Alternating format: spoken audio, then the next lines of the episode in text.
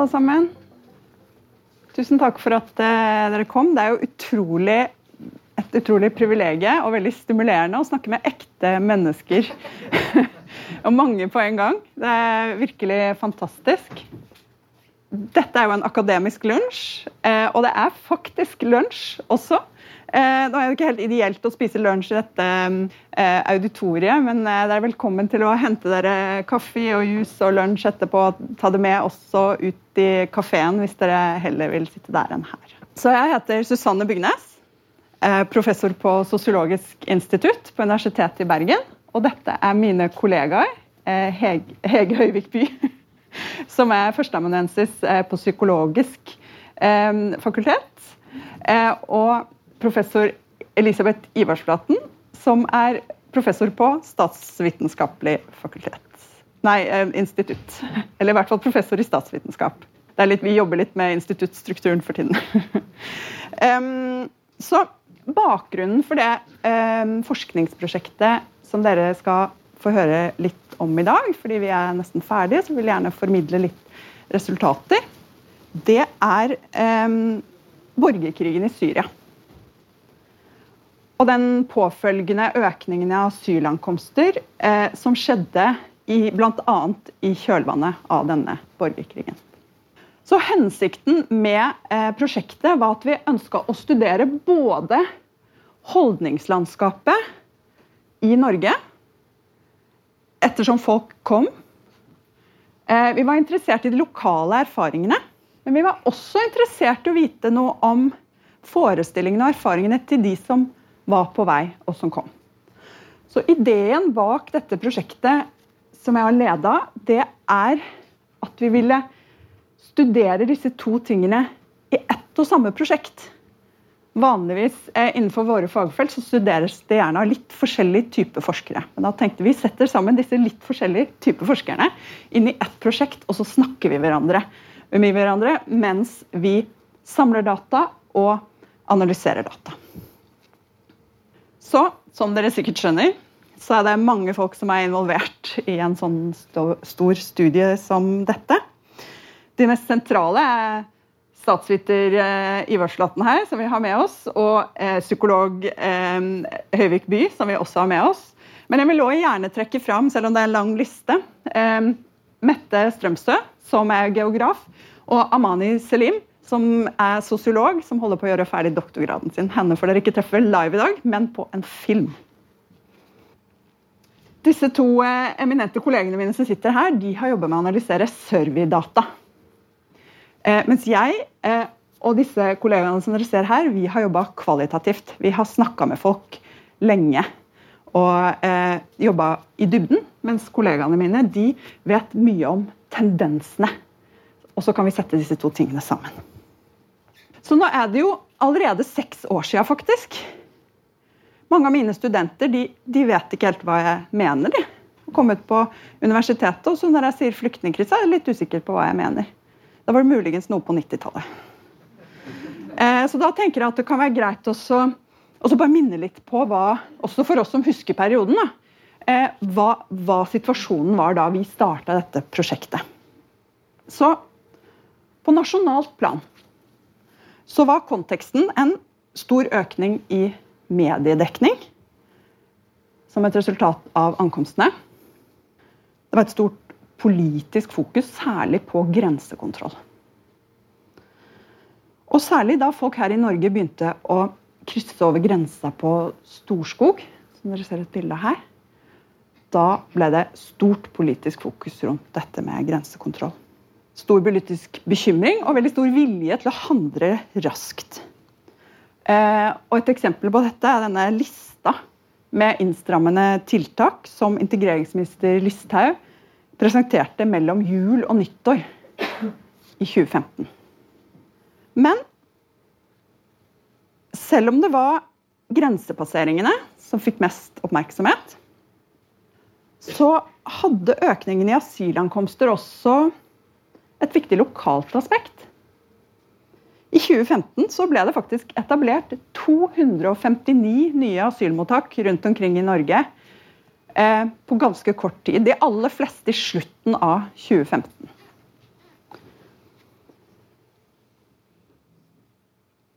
Og det vil si at ganske mange lokalmiljø i løpet av ganske kort tid fikk oppleve disse asylankomstene på nært hold. Ikke bare som bilder eller politikk. Gangen videre i møtet i dag er at jeg skal fortelle nå litt om disse case-studiene fra, eh, tre lokalmiljø som vi har studert. Um, og så skal kollegaene mine som jeg har med meg her, fortelle litt om funnene fra Norsk medborgerpanel, som er de kvantitative dataene våre.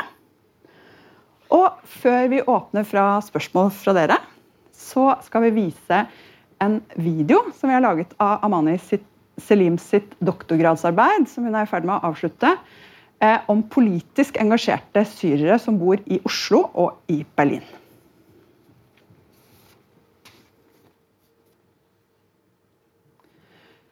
I disse case-studiene som vi har gjort, der vi har gått dypere inn i tre nabolag i Norge. To av nabolagene ligger på Vestlandet, og ett ligger på Østlandet. Et av nabolagene ligger eh, veldig urbant. Eh, et annet eh, mer, eh, i mer, mindre urbane strøk, kan vi si. Vi anonymiserer stedene. Eh, og det ene stedet som jeg skal bruke som eksempel mye i dag, er et sted som vi kaller for Tiriltoppen. Det vi gjorde, det var at vi gikk inn i disse tre eh, områdene allerede sent 2015, tidlig 2016, og intervjua folk som bodde rundt mottakene. Så vi la lapper i postkassene til mange av de som bodde rundt. Vi eh, var, deltok på mange møter for å treffe folk. og, og prøvde å rekruttere både folk som var entusiastiske og syntes at uh, dette var en fin mulighet til å kunne hjelpe i en krise, og folk som var redde, folk som var skeptiske, usikre til hva som ville komme til å skje. Men vi intervjua også noen av de som kom til mottakene, og som senere ble bosatt. Og vi kom også tilbake to år seinere, i 2018, til alle tre eh, nabolagene. Og intervjua noen av de som på ulike måter var enten engasjert i eller deltok i eh, integreringen i disse nabolagene. Men først skal jeg starte å si litt om stemninga.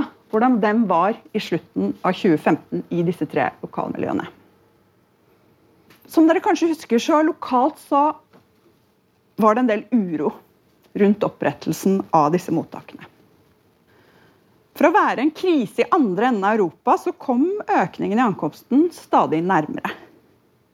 Og uroen for ankomstene, at de ville bli et problem, det økte.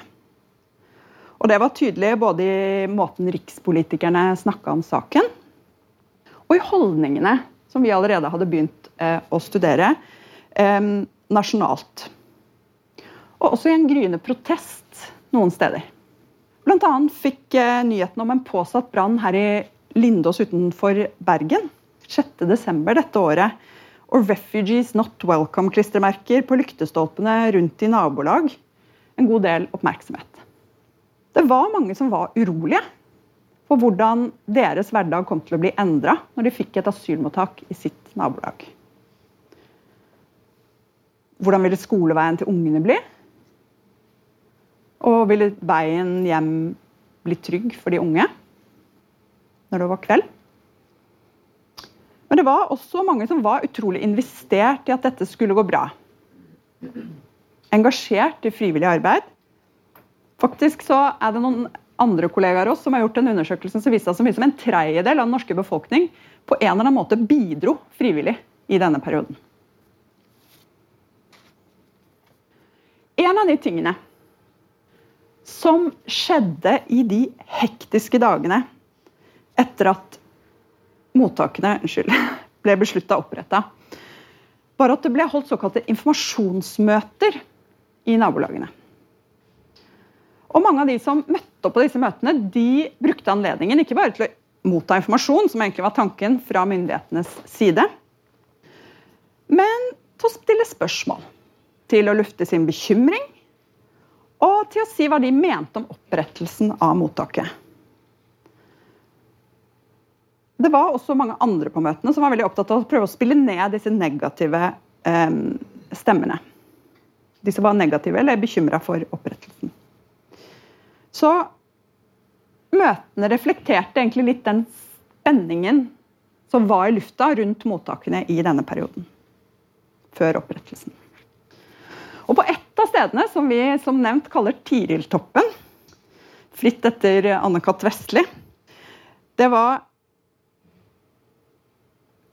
På et møte der så var det ganske sånn høylytt skepsis til eh, denne opprettelsen. Og ganske fiendtlig ordbruk. Og det var kanskje ikke så uvanlig, men akkurat på dette møtet var det ganske mye presse. Så det som skjedde da var at Disse uttalelsene disse diskusjonene blant naboene og de forskjellige meningene som var der, de ble løfta opp, ikke bare den lokale og den regionale pressen, men helt opp til eh, det nasjonale planet. Så helt opp til at den nasjonale eller punkrock-konsert eh, eh, eh, Pressen rapporterte fra dette konkrete møtet i dette konkrete nabolaget, som vi kaller for Tiriltoppen. Og det som skjedde da, var ganske interessant. Det som skjedde da, var at det kom en veldig sånn, tydelig motreaksjon fra befolkninga. Det var veldig mange som reagerte på at deres lokalmiljø ble fremstilt som lite velkomment. Nesten som rasistisk på NRK. Eller i de store avisene.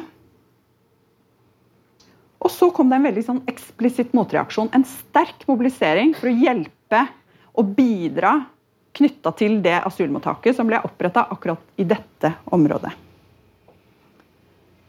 Så blant annet så ble det eh, oppretta en egen organisasjon for å hjelpe, og mange frivillige møtte opp eh, for å ta med ting det var behov for på mottaket, men også for å snakke med og, og ønske folk velkommen. Og akkurat dette det var så mange som kom dit disse dagene etter ankomstene, det gjorde et veldig tydelig inntrykk på de som ankom Tiriltoppen denne vinterkvelden.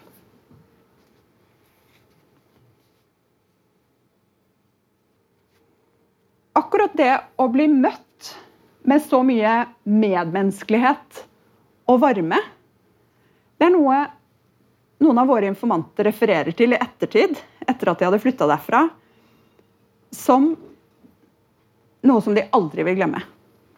De følte at folka der var så hjelpsomme at å være der på Tiriltoppen, det forandra livene deres og tankemåten deres. Og også asylsøkerne som bodde på mottaket, hadde fått en inntrykk av den motstanden som var på forhånd. Og som ble artikulert før mottaket ble oppretta. Men de hadde også fått med seg at akkurat dette snudde etter at de ankom mottaket. Disse som vi intervjua her, for eksempel, kunne fortelle historien sånn. Det er et lite lokalsamfunn ikke så langt herfra, for da hadde de flytta herfra. Som heter Tiriltoppen, og de var sterke motstandere av å få et mottak der. De signerte faktisk et opprop og sendte det til kommunen. Men når vi kom og de kontak kontakt med oss, da ble alt snudd på hodet. Da skrev de et brev til kommunen, og så sa de vi trenger disse folka her på Tiriltoppen. Så Det betyr at ikke bare i lokalmiljøet var det en sånn snuoperasjon i stemningen, men også blant de som ankom, hadde på en måte kjent på dette. Så Noe annet av det som skjedde i kjølvannet av disse informasjonsmøtene, er at eller Noe av det vi fant ut av å studere etterkantene av disse informasjonsmøtene, var at mye av det som foregår i diskusjonene rundt en sånn opprettelse, det handler ikke bare om relasjonen til de som bor på det mottaket. Det handler ganske mye egentlig om ulike meninger innad i nabolaget, og mellom relasjoner mellom de som allerede bor i det nabolaget. Det som vi tenker på som de fastboende sin relasjon til, eller protest mot, eller velkomstinitiativ overfor asylsøkere. Det handler litt mer om de fastboende sine relasjoner til hverandre enn det vi hadde trodd. For fortalte en av de fastboende som vi intervjua på Tiriltoppen, at en av hennes kamerater hadde blitt spytta på på gata fordi han valgte å engasjere seg i arbeidet for å ønske asylsøkerne velkommen. Så her ser vi at Reaksjonen er altså retta mot meningsmotstanderne i lokalmiljøet, og ikke beboerne på mottaket.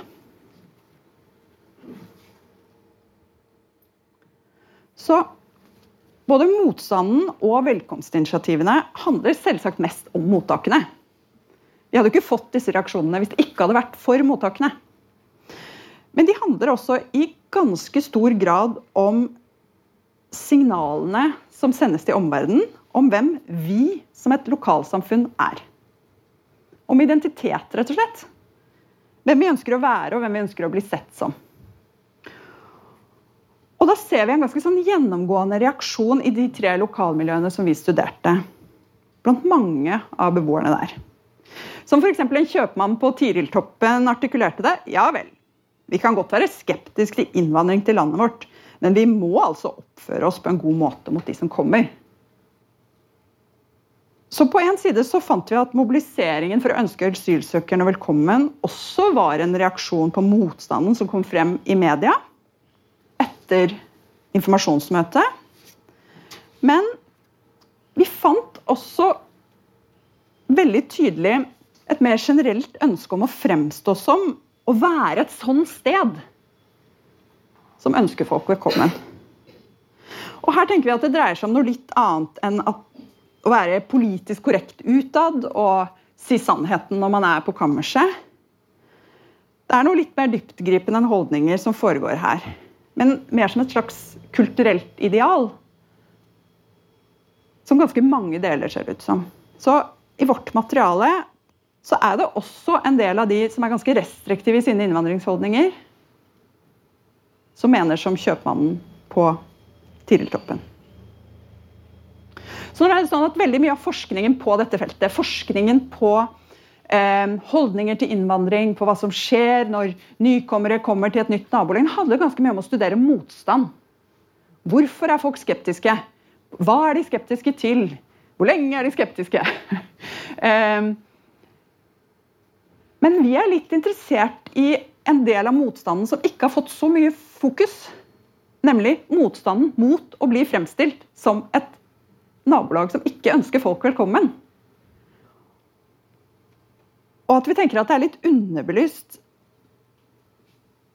den her viljen til, som virker som den er ganske brei, og kanskje mest ideelt sett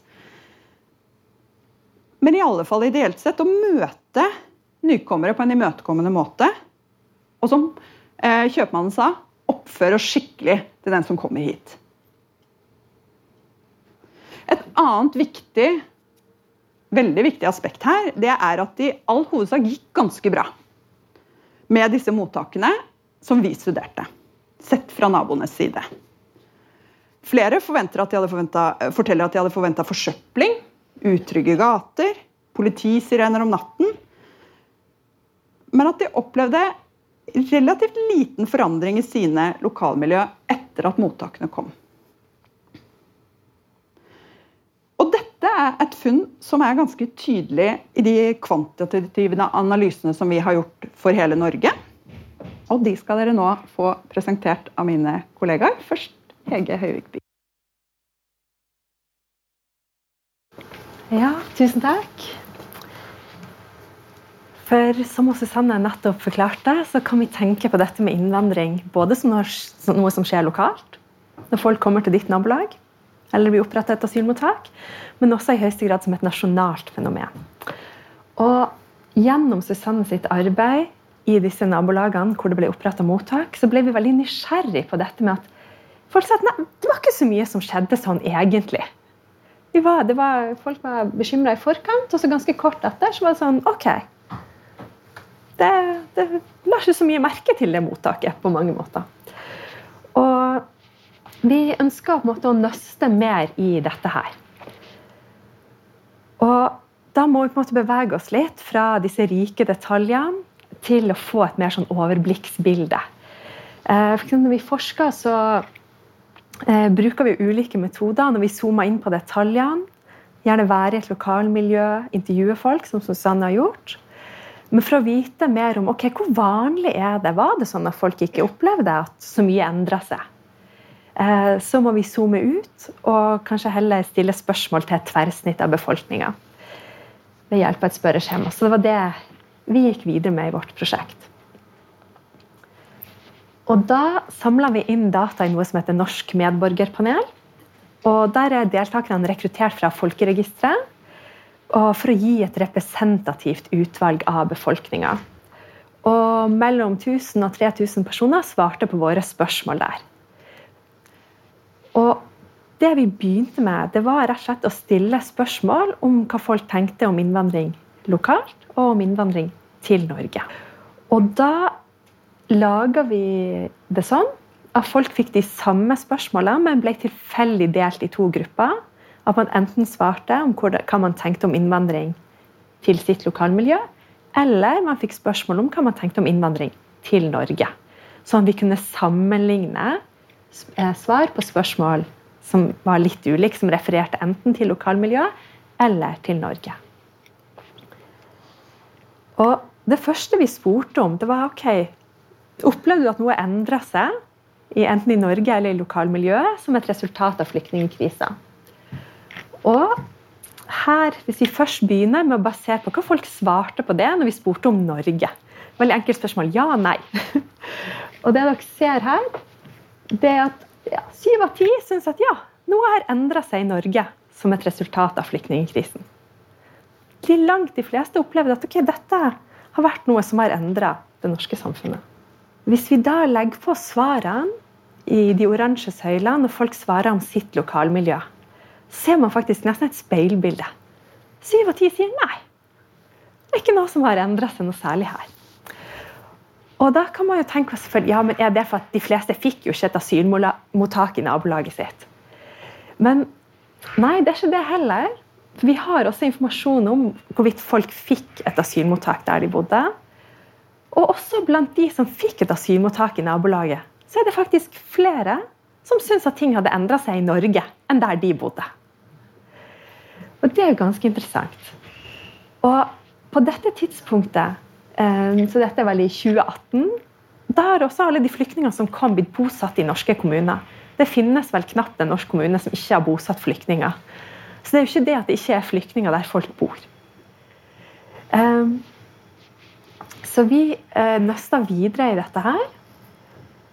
Og så tenkte jeg OK, Eh, hvor mye debatt er det opplever folk at det er noe debatt knytta til dette med flyktninger og innvandring? Der de bor, eller i Norge? Så vi spurte om det. Ja, hvor mye spørsmål til flykt, hvor mye vil du si at spørsmål knytta til flyktninger og innvandring blir diskutert i Norge eller i ditt lokalmiljø om dagen? Og Hvis vi ser på hvor mange som sa at jo, her er det svært mye eller mye debatt, så ser vi at ja, under, litt under én av ti syns at det er mye debatt der de bor.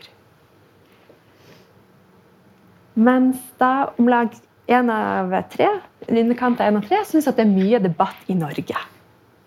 Så folk opplever at dette er noe som er på den nasjonale agendaen i mye større grad enn på den lokale agendaen.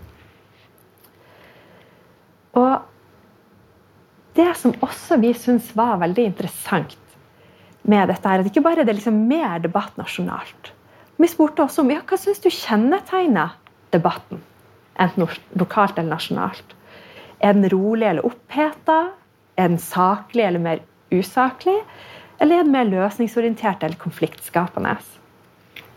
Og det dere ser på den grafen her, det er at det er ikke så kjempestore forskjeller, men det er et ganske tydelig mønster.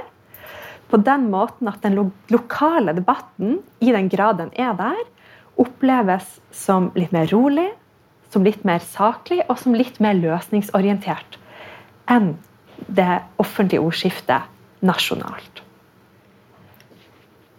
Så folk, når folk tenker på innvandring der de bor, så tenker de ikke på det samme som når de tenker på innvandring til Norge.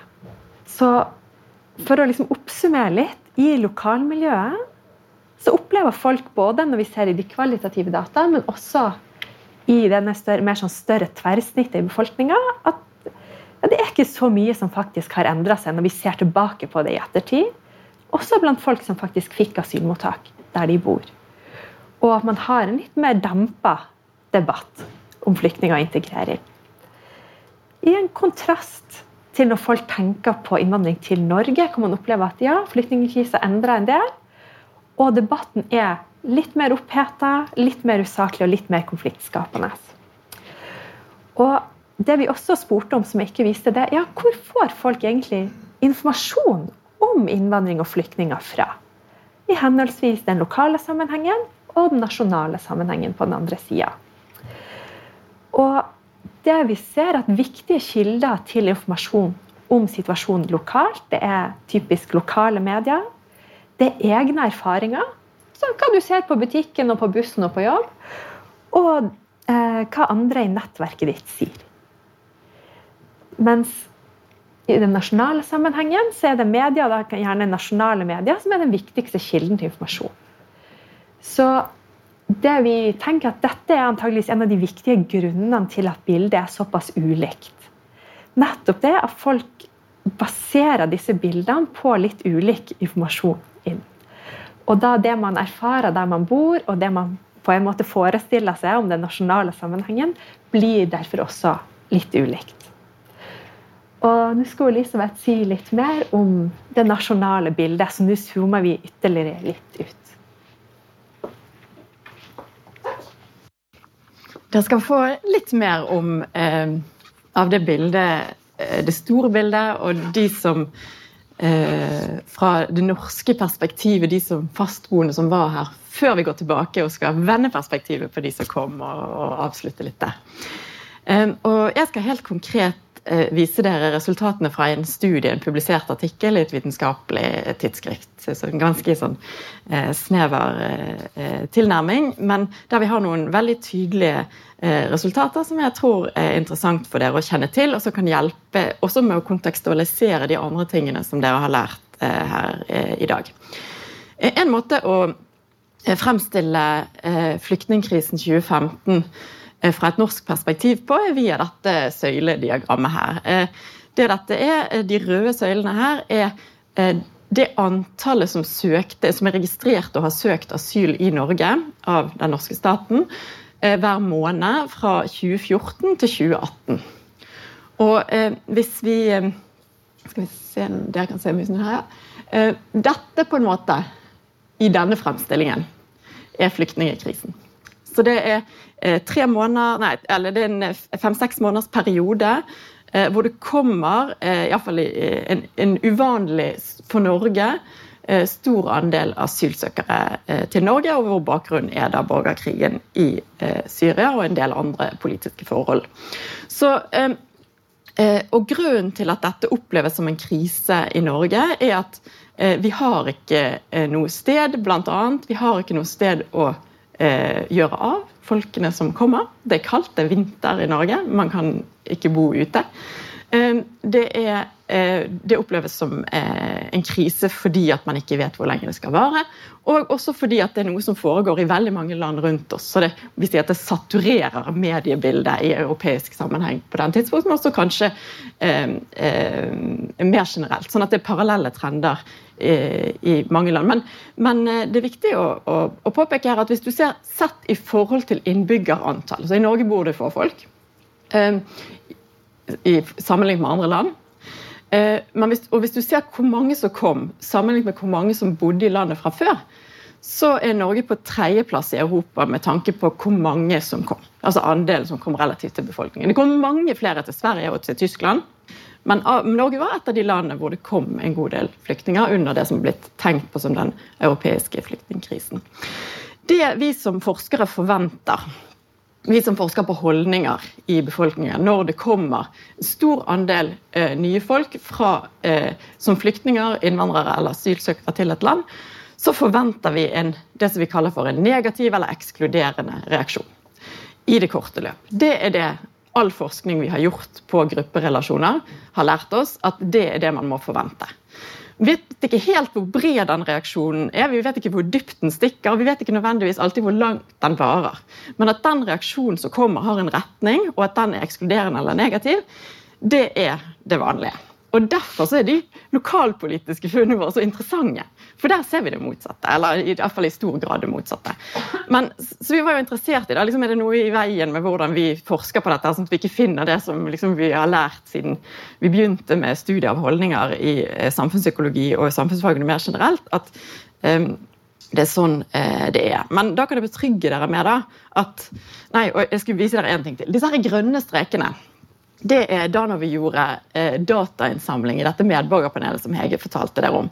Så da har vi et, det som vi kaller for et representativt utvalg. Dvs. Si at vi har tatt et utvalg av befolkningen, og det som de svarer, mener vi da representerer den generelle tendensen. Ikke meningen til enkeltpersoner, de vil alltid være veldig forskjellige. Men det, det finnes tendenser i holdninger. og dette verktøyet er godt ikke til å oppfatte nyansene, men til å fange opp tendensene. Ehm, så vi, Det som er spesielt og veldig bra kvalitet med våre data, er at vi eh, har de samme folkene som er så greie med oss at de svarer på spørsmål eh, om og om igjen. Over en lang tidsperiode. Så Hver gang det er en sånn grønn strek, så er det flere tusen i Norge som har tatt seg bryet verdt med å svare på et spørsmål til oss forskere. Og noen ganger tror jeg de oppfattet oss som ekstremt irriterende, for vi har stilt det samme, akkurat det samme spørsmålet om igjen og om igjen. om igjen, Sånn at eh, de har sikkert tenkt har de ikke hørt etter på hva jeg sa forrige gang? Men Poenget med den metodikken er at du får eh, det som vi kaller for en eh, eh, baseline, altså en eh, grunnholdning som du kan vite om. Sant? Vi målte holdningen før noen visste at det skulle komme noe flyktningkrise til Norge. Da målte vi holdningen til innvandring. Hvor syns du innvandring til Norge er en fordel eller en ulempe? Vi målte holdninger til asylpolitikk. Syns du at vi skal være veldig sjenerøse med asylsøkere eller mindre sjenerøse i forskjellige varianter? Så Det visste vi, det spurte vi folk om før de visste at det skulle komme en flyktningkrise. Så kom flyktningkrisen. spør vi akkurat de samme folkene akkurat de samme spørsmålene. Da får vi et veldig veldig høykvalitetsmål på den holdningsendringen som skjer. Det beste som du kan få innenfor vitenskapen. Og så ikke bare det, men så fortsetter vi å spørre etter at ankomsten er sluttet. Det er jo selvfølgelig mange andre ting som skjer. Folk bosettes, de kommer til lokalmiljøet. Disse, mange som kom, er her fremdeles. Noen er blitt sendt vekk, men ikke alle. Og så fortsetter vi å spørre, og så kan vi se ok, denne reaksjonen vi fikk, hvor lenge varte den. Så det er det jeg skal vise dere resultatene av nå. Eh, her er artikkelen for de av dere som har tilgang til sånn eh, Jeg tror faktisk den er åpent tilgjengelig på, på, internett i noe som heter European Journal of Political Research. Og det vi ser på da, det er omfanget av denne endringen som skjedde i norske holdninger.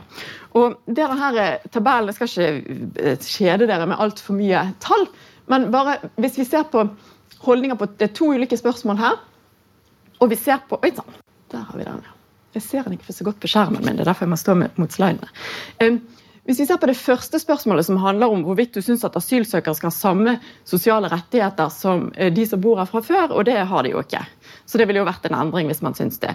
Eh, så er det før krisen sånn at ca. 42% av eh, den norske befolkningen mener at det, det kan de godt ha. Mens den andelen da synker, så vi ser en endring i om du vil, negativ eller ekskluderende retning under flyktningkrisen. Så det skjer liksom mellom fra den ene måneden til den andre. Akkurat de samme folkene, akkurat det samme spørsmålet. Og så det, har man begynt å trekke seg. Vi ser det enda litt tydeligere når eh, i dette litt mer overordnede spørsmålet inn, jeg synes du innvandring hovedsakelig er en for, for, uh, fordel eller ulempe for Norge. Ehm, og Det er jo et mye større spørsmål selvfølgelig enn spesifikke ting knyttet til flyktningkrisen, men det var det vi hadde målt før. Så det ser vi at uh, Før uh, krisen så, sier ca. 55 ja, det syns jeg. Jeg syns det er hovedsakelig en fordel. Uh, og den andelen synker til ca. 45% under krisen, på toppen av den grafen som jeg viste dere, med ankomster.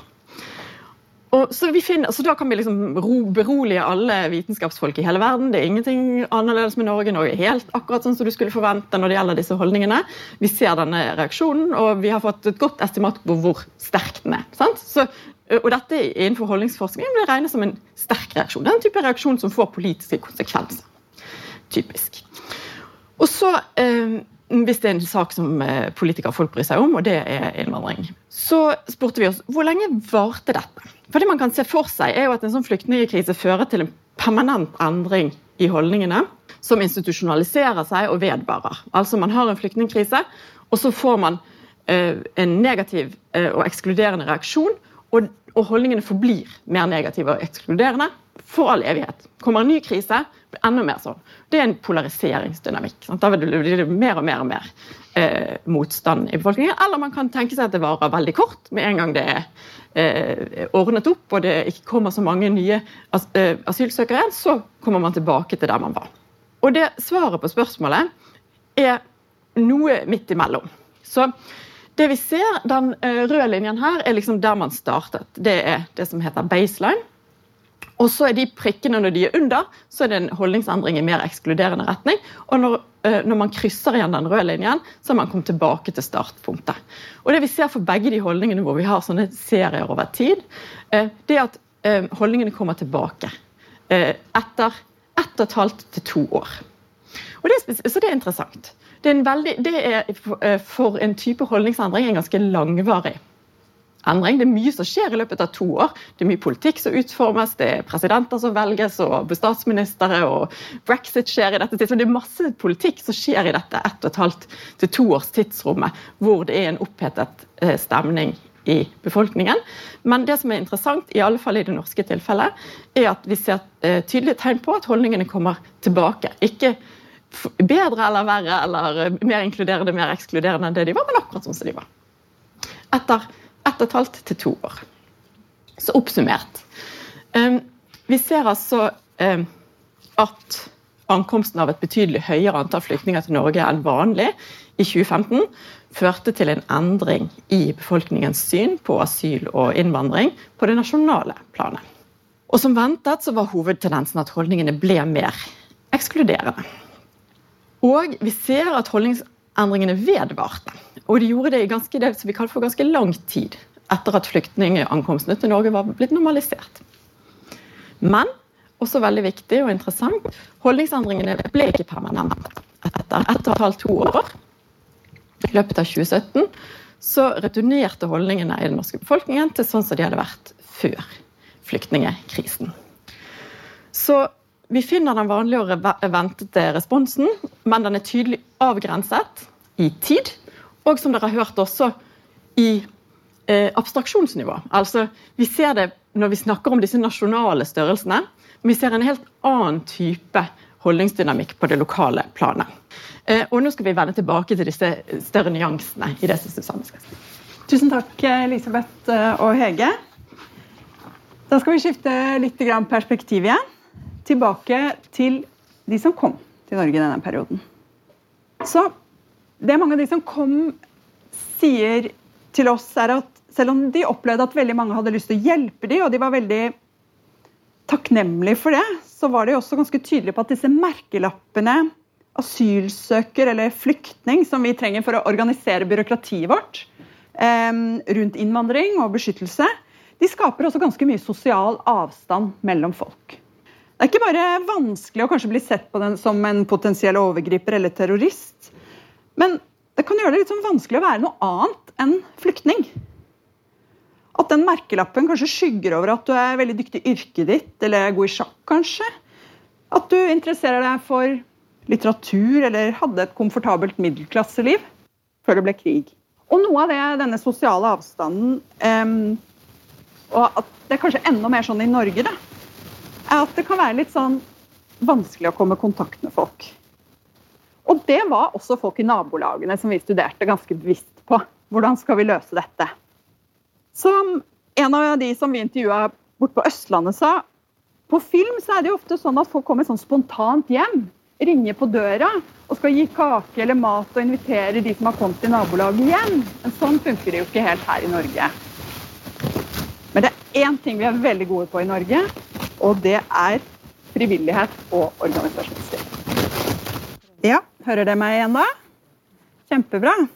Så jeg vet ikke om dere husker det siste jeg sa? Dugnad, folkens! Frivillighet. For det har vært en utrolig viktig måte som folk har engasjert seg på i norske lokalmiljø, på frivillighetssentraler og ikke minst på lokale biblioteker som dette. Det er forskjellige organiserte aktiviteter for å bidra overfor folk som er nye i Norge. På bibliotekene så går det an å bruke PC-er, låne bøker og lese aviser uten å kjøpe noe. Og det arrangeres språkkafeer i stor stil, der folk som er gode i norsk, kan hjelpe folk som vil bli gode i norsk. Og vi har sett at bibliotekene og frivillige organisasjoner er arenaer der folk kan komme for å bidra og for å lære. Men selv om det var mange av de vi snakka med som var opptatt av at læringen skulle gå begge veier, at det ikke skulle være en hjelper og en mottaker i disse situasjonene, så ser vi at det er litt vanskelig å få til i praksis. Det er mange av dem som kom, som selv nå etter at vi snakka med dem i 2018 Selv om de jobba, selv om de gikk på universitetet og var kanskje aktive i friluftsliv, så var de savna de norske venner. De syntes det var rart at det var så vanskelig å bli kjent, ordentlig kjent folk i Norge. Så Språkkafeene er viktige fordi de gir et sted der folk kan treffe andre fysisk. Ikke minst kjempeviktig nå. ikke sant?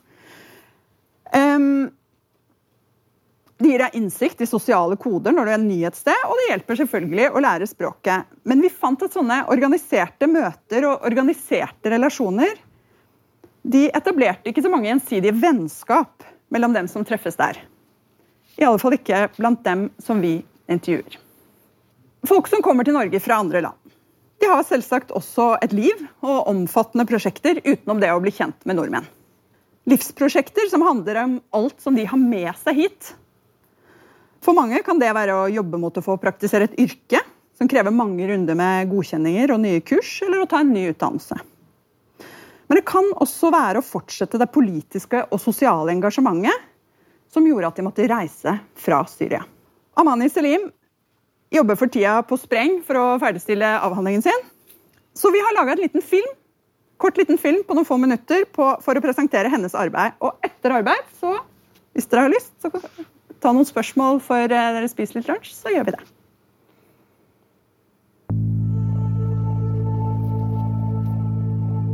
For me and for a million other people in Egypt, 28th of January 2011, or what was called at the time the Day of Rage, was a real start of the revolution.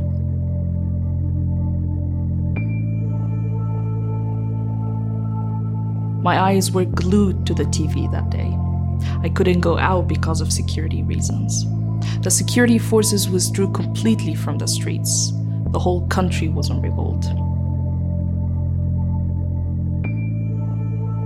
It was on that day that we became aware that what we were witnessing was no regular moment, not a passing, fleeting moment, not something to be easily crushed. It was an extraordinary event that was to change our lives irreversibly from that moment thereafter. The Day of Rage var begynnelsen på det som senere var kjent som den arabiske våren. It was a life-changing event in our lives, but much of that remains unknown. I september 2015 var Amani Selim 23 år. Hun forlot Egypt for å studere i Europa. Interesse for det som skjedde i de arabiske landene, hadde for lengst fanget henne. I Europa er konsekvensene av opprøret mest kjent. Tusenvis av flyktninger og migranter, overfylte gummibåter på Middelhavet og tapte liv. Men færre har snakka om hvordan den arabiske våren påvirker de berørte. De som så på, og de som deltok. I witnessed firsthand the reactions and responses to that situation in Europe, and how all the talk was diverted to how refugees will be accommodated, whether to accept them, and so on.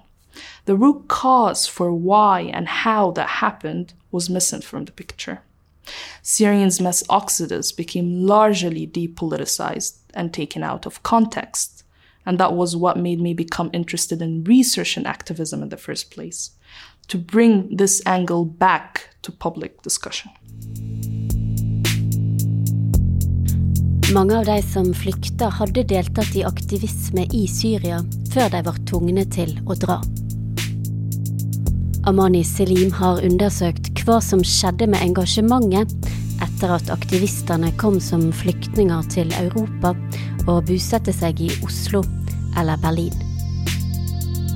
Hvordan utvikler engasjementet seg, og hva påvirker denne utviklinga? Oslo og Berlin er veldig ulike byer. Amani Selim har i forskninga si funnet to hovedforskjeller mellom syriske aktivister i Oslo og Berlin. I found that emotions play a huge role in influencing people's decision to remain committed to action on behalf of Syria. For example, while mobilizing against the regime, many of the people I interviewed expressed that they felt rage, fear, and pleasure. Rage from the violence they were met with, fear because of what this violence induced in them, and pleasure because they were able to defy these circumstances and continue their resistance. When they were forced to go into exile, they felt hopelessness and defeat because they had to leave and because of how their initial revolt turned into a war. It was in this moment that the people I met in Oslo and Berlin took different passes. I Berlin er det enklere å organisere protester mot regimet i Syria. I protestene finner syrerne støtte i hverandre, og de kan slippe kjensla av håpløse. Boikott Israel! Boikott Israel! Fritt Palestina! I Oslo er det ikke slik. Aktivismen hos syrere i Norge er i mindre grad retta mot regimet i heimlandet. So, both emotional spaces in exile and emotions experienced in the past were really crucial to how we see more people in Berlin than in Oslo engaging in activism related to Syria.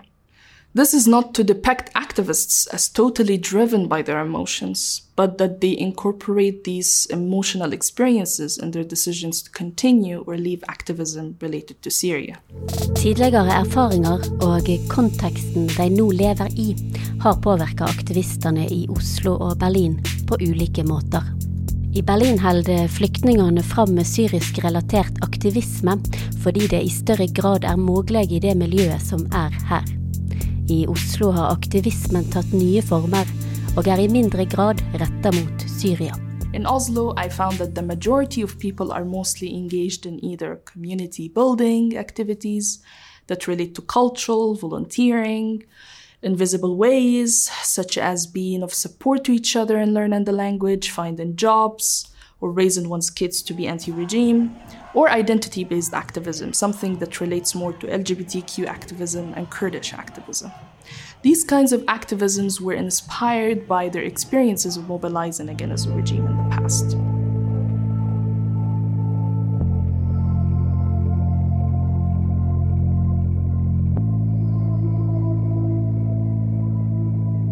In Berlin, people continue doing activism on behalf of Syria by engaging in different forms of action, including humanitarian, advocacy, media, and so on.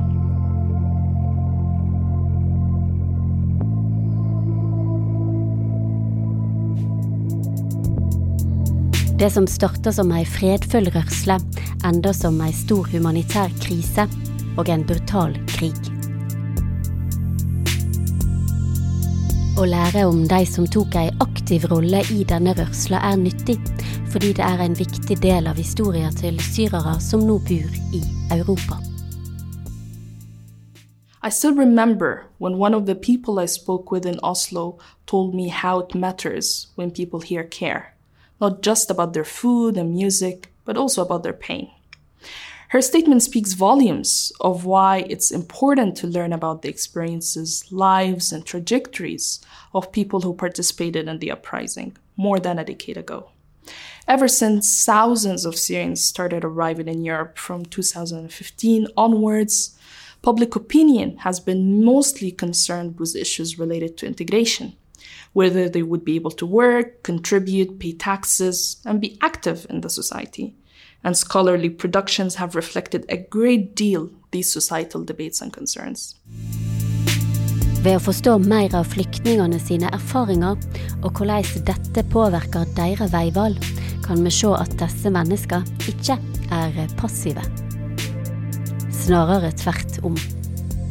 These people have overcome incredible obstacles. They mobilized from scratch, they did so under enormously violent and dangerous conditions, and they learned to be creative in maneuvering them.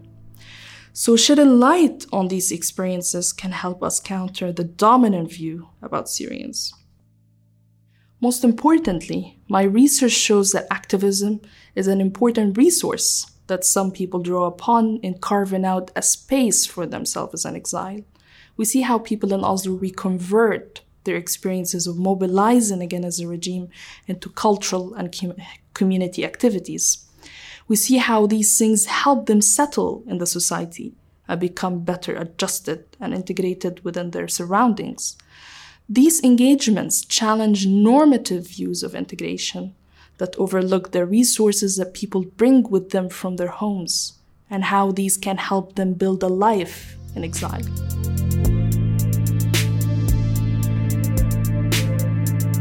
Instead of looking at homeland activism as irrelevant or worse, as a burden or something that inhibits integration, homeland activism should be viewed as a valuable resource that doesn't only contribute to the lives of its undertakers, but also transforms the environments in which they are embedded, making it more diverse and relatable.